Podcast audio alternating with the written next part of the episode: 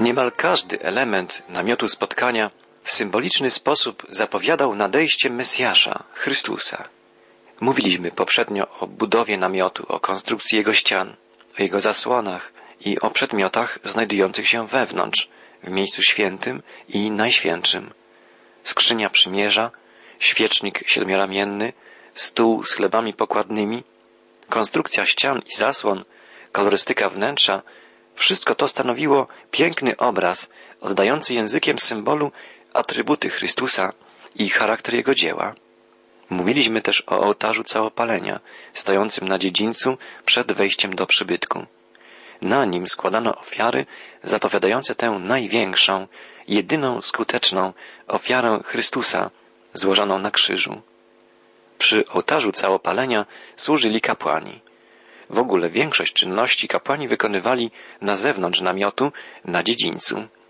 I właśnie o tym dziedzińcu powiemy sobie dzisiaj kilka zdań, a potem mówić będziemy o szatach kapłanów, w których także zawarta jest niezwykle bogata symbolika, kierująca nasz wzrok na Jezusa Chrystusa.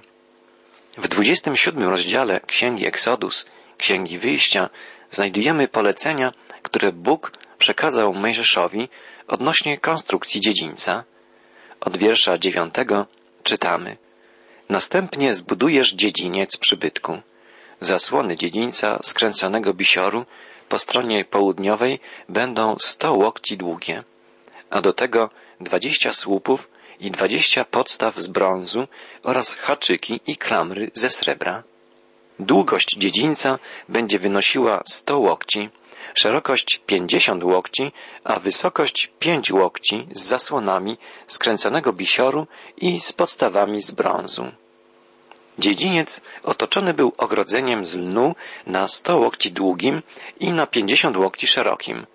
Hebrajski łokieć miał niemal pięćdziesiąt centymetrów długości, co znaczy, że zamknięta przestrzeń dziedzińca wynosiła około pięćdziesiąt razy dwadzieścia pięć metrów. Natomiast wysokość lnianego ogrodzenia, umocowanego na solidnych słupach, wynosiła około dwa i pół metra. Ktoś, kto zbliżał się do namiotu spotkania z zewnątrz, widział więc tylko jego dach. Stojąc tuż przy ogrodzeniu, widział jedynie biel lnianych zasłon. Te wysokie, białe zasłony mocno kontrastowały z szarymi, niedużymi namiotami Izraelitów, rozrzuconymi dookoła w obozie rozbitym wokół przybytku. Zawarta jest tu ważna symbolika. Wysokie, białe zasłony, odgradzające przybytek od obozu, mówiły stop, wstęp wzbroniony. Normalnie dostęp do Boga jest dla każdego człowieka niemożliwy. My, ludzie z szarych namiotów, z brudnego świata, wyraźnie różnimy się od świętego, nieskalnego Boga. Wszyscy jesteśmy brudni, splamieni grzechem. Wszyscy jesteśmy grzeszni i brak nam chwały Bożej, czytamy w liście do Rzymian. Nie możemy przystąpić do Boga, który jest święty. Jedynie Chrystus jako czysty, doskonały człowiek, a jednocześnie Syn Boży może nam utorować drogę do Boga Ojca. O tym mówią szerokie, wielobarwne drzwi, które prowadzą na dziedziniec od strony wejścia do namiotu spotkania. Czytamy w szesnastym wierszu dwudziestego siódmego rozdziału. Przy wejściu na dziedziniec dasz zasłonę na dwadzieścia łokci z fioletowej i czerwonej purpury, karmazynu, z bisioru, wielobarwnie wyszywaną, a do tego cztery słupy i cztery podstawy. Były to szerokie, dziesięciometrowe drzwi osadzone na czterech słupach. Były one wygodne, lekkie, nie z drewna czy metalu, lecz z delikatnego bisioru, purpury i karmazynu. Nawet dziecko mogło odchylić tę zasłonę. Jest to obraz Bożej łaski, Bożej miłości. Boża miłość ma szerokie drzwi dla każdego, kto chce wejść. Dostęp jest wolny dla każdego człowieka, dla młodych i starych, małych i dużych. Na dziedziniec przybytku prowadziły tylko jedne drzwi, szerokie, ale jedyne. Pan Jezus wyjaśnił nam, co oznaczają te drzwi. Powiedział, ja jestem drzwiami. Jeśli kto przeze mnie wejdzie, zbawiony będzie. Poprzez Jezusa mamy dostęp do Boga Ojca. Tylko On jest Zbawicielem, tylko On jest drzwiami do mieszkania z Bogiem. Nie ma innej możliwości, by zostać zbawionym. W Biblii czytamy, jest jeden pośrednik między Bogiem a człowiekiem, Jezus Chrystus. Nie ma innych pośredników, nie ma innych bocznych dróg. Do Boga możemy zbliżyć się tylko poprzez Jezusa Chrystusa. Namiot spotkania i jego dziedziniec były miejscem, gdzie usługiwali kapłani. Ich szaty opisane są w 28 rozdziale Księgi Wyjścia. Czytamy tu najpierw o powołaniu pierwszych kapłanów.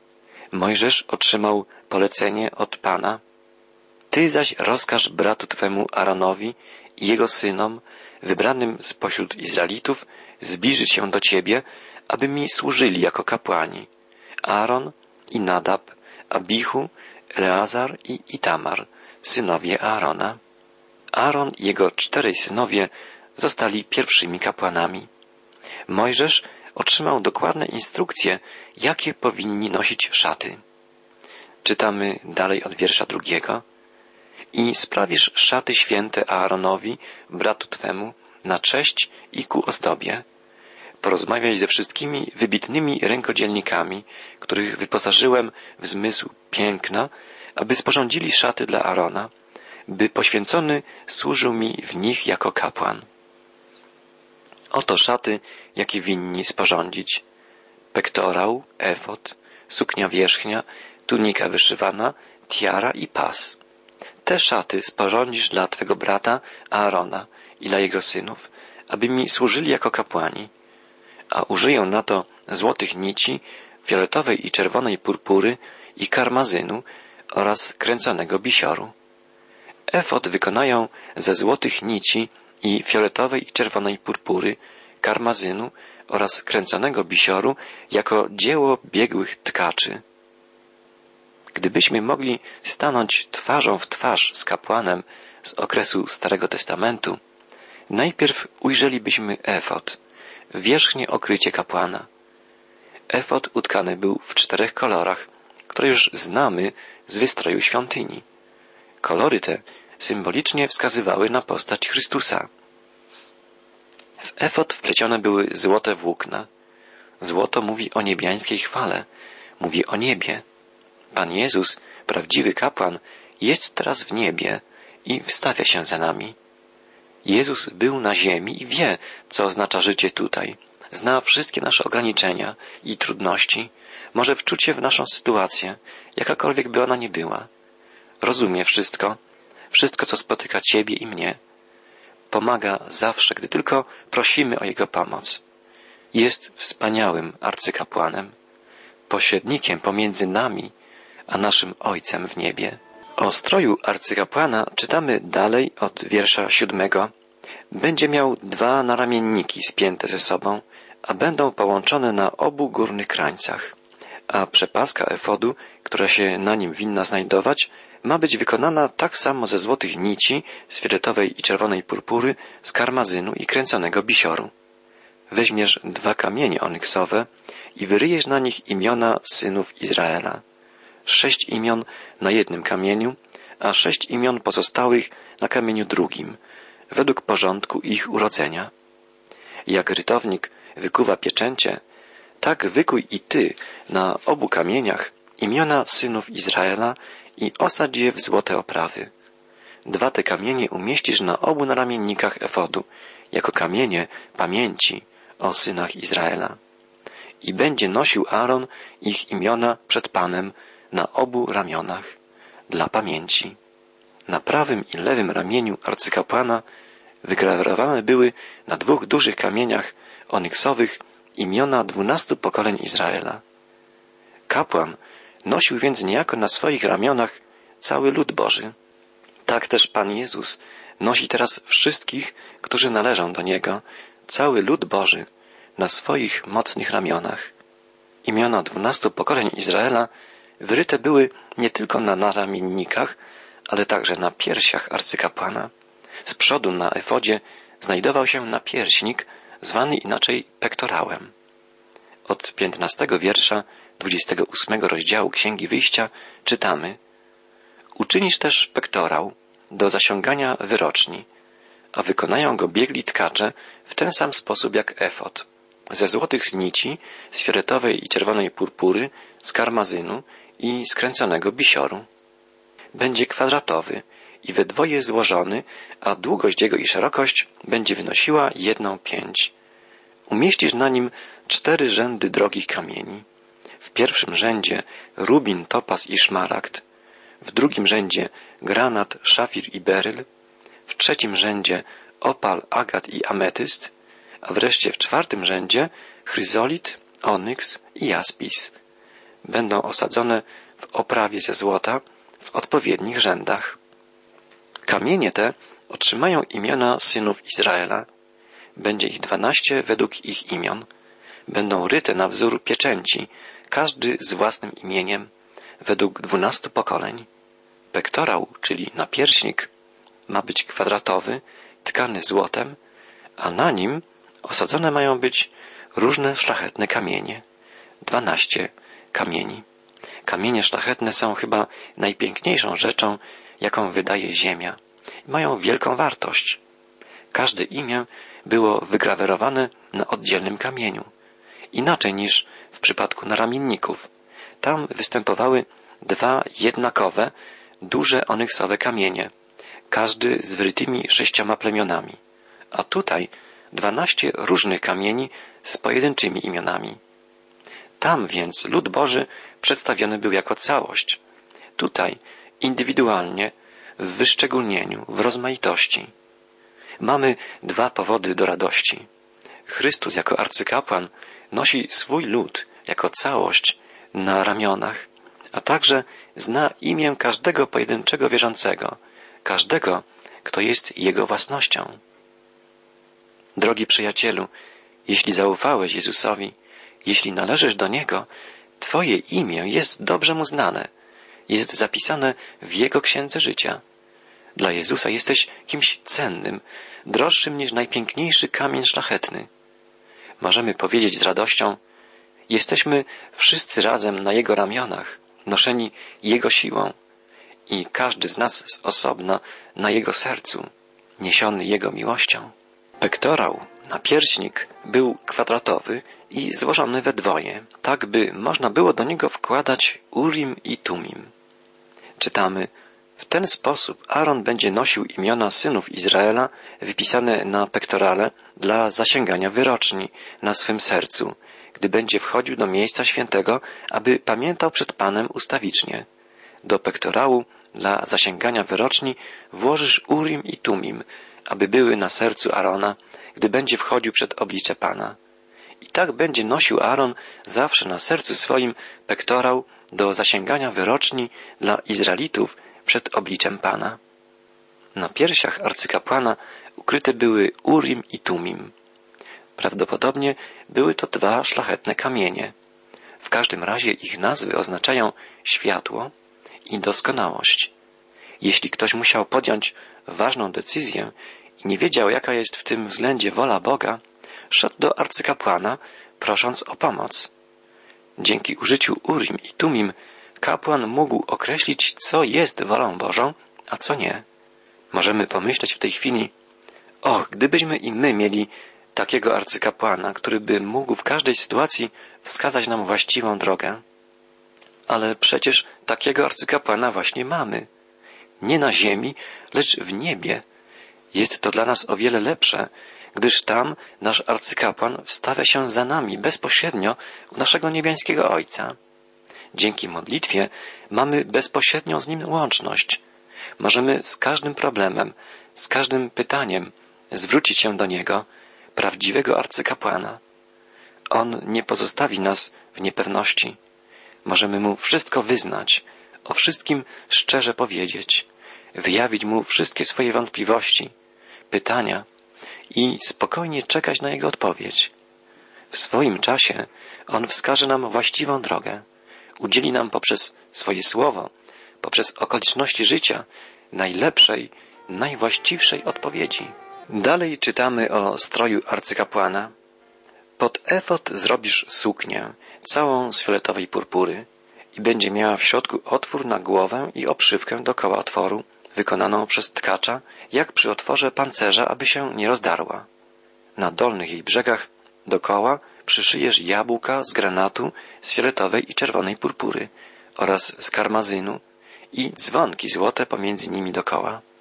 Dzwonek złoty i jabłko granatu będą następowały na przemian dokoła na dolnych krajach sukni i będzie miał ją na sobie Aaron podczas pełnienia służby, aby słyszano dźwięk, gdy będzie wchodził do miejsca świętego przed oblicze Pana i gdy będzie wychodził. Suknia, zwana też płaszczem arcykapłana, była wykonana z fioletowej purpury. Na jej dolnej krawędzi przyszyte były jabłuszka granatu i dzwoneczki, wydające dźwięki w czasie wykonywania przez kapłana służby. Mówi to nam wiele o naszej służbie jako chrześcijan, czyli ludzi Chrystusa. Dzwoneczki wydawały ładny dźwięk, ale sam dźwięk nie wystarczy. Nie wystarczy tylko dźwięk, nie wystarczą tylko słowa. W naszej służbie potrzebne są także owoce, czyli nasze czyny, czyny wypływające z miłości do Boga i do bliźnich. Na krawędzi płaszcza kapłana znajdowały się na przemian dzwonki i owoce. Podobnie ma być w naszym życiu. Słowa i czyny powinny się przeplatać, wzajemnie się potwierdzać, powinny być w doskonałej równowadze. Właśnie tak było w życiu Jezusa. Jego słowa potwierdzały Jego czyny, a Jego czyny potwierdzały Jego słowa. Następnym elementem ubioru arcykapłana, o którym czytamy w 28 rozdziale Księgi Wyjścia, jest diadem na tiarze stanowiącej nakrycie głowy. Od 36 wiersza czytamy I zrobisz też diadem ze szczerego złota i wyryjesz na nim, jak się ryje na pieczęci, poświęcony dla Pana. I zwiążesz go sznurem z fioletowej purpury, tak żeby był na tiarze i żeby na przedniej stronie tiary był umieszczony. Będzie on na czole Arona, ponieważ Aaron poniesie uchybienia popełnione przy ofiarach, które będą składać Izraelici i przy wszystkich świętych darach. Będzie na jego czole ciągle dla zjednania mu łaski w oczach Pana. Tiara była rodzajem turbanu z delikatnego tkanego lnu. Na czele tego nakrycia głowy umiejscowiony był diadem, czyli cieniutka złota płytka, na której wygrawerowano napis poświęcony Panu. Czytaliśmy słowa, iż Aaron poniesie uchybienia popełnione przy ofiarach, które będą składać Izraelici. Arcykapłan miał więc być jakby stałym zadośćuczynieniem za uchybienia ludu Bożego. Tak stało się naprawdę, gdy w ofierze złożył życie prawdziwy arcykapłan, Boży Syn. Lud Boży w czasach Starego Testamentu nie był sam w sobie święty, ale Bóg patrzył na diadem na czole arcykapłana z napisem poświęcony Panu i w ten sposób lud izraelski był oczyszczany, uświęcany ofiarą arcykapłana. Również w naszych czasach lud Boży nie jest sam sobie święty. Jest jednak uświęcany ofiarą Jezusa Chrystusa, wielkiego arcykapłana. Jedynie dzięki temu lud nowego przymierza może być miły Bogu. Dzieje się tak, abyśmy, jak czytamy w liście do Hebrajczyków, mieli mocną zachętę do pochwycenia leżącej przed nami nadziei. Jej to trzymajmy się jako kotwicy duszy, pewnej i mocnej, sięgającej aż poza zasłonę, gdzie jako poprzednik wszedł za nas Jezus, stawszy się arcykapłanem na wieki. W końcowej części 28 rozdziału Księgi Wyjścia czytamy Także dla synów Arona zrobisz tunikę i uczynisz im pasy oraz mitry na cześć i ku ozdobie. I ubierzesz w nie twego brata Arona i synów jego razem z nim, namaścisz ich, wprowadzisz ich w czynności kapłańskie i poświęcisz ich, aby im służyli jako kapłani. I uczynisz im spodnie lniane, aby od bioder aż do goleni okryli nimi nagość ciała. I będą je nosić Aaron i jego synowie ile razy będą wchodzić do namiotu spotkania lub będą zbliżać się do ołtarza dla spełnienia służby w miejscu świętym, aby nie ściągnęli na siebie grzechu i nie pomarli. To jest rozporządzenie na wieki dla Niego i dla potomków Jego po Nim. Kapłani mieli zawsze zakładać białe szaty, lniane spodnie, białe tuniki i mieli, jak czytaliśmy, okrywać nimi nagość swego ciała. Cielesność to symbol grzeszności. Aaron i jego synowie, tak jak wszyscy następni kapłani, byli ludźmi grzesznymi. Musieli zakrywać swoje ciało białymi szatami. Ale tak naprawdę oczyścił nas i okrył białą szatą swojej sprawiedliwości Bóg w Jezusie Chrystusie. Jezus, prawdziwy, wieczny arcykapłan, powstał z martwych, wstąpił do nieba i wstawia się za nami wszystkimi, by pomóc nam we wszelkich trudnościach. On rzeczywiście nosi swój lud na swoich mocnych ramionach, a imię każdego z nas wryte jest na jego piersi, w jego sercu. Jakże wspaniałym arcykapłanem jest Jezus. On prowadzi nas wprost do Ojca. Tylko On może to uczynić. On, który stał się dla nas arcykapłanem na wieki.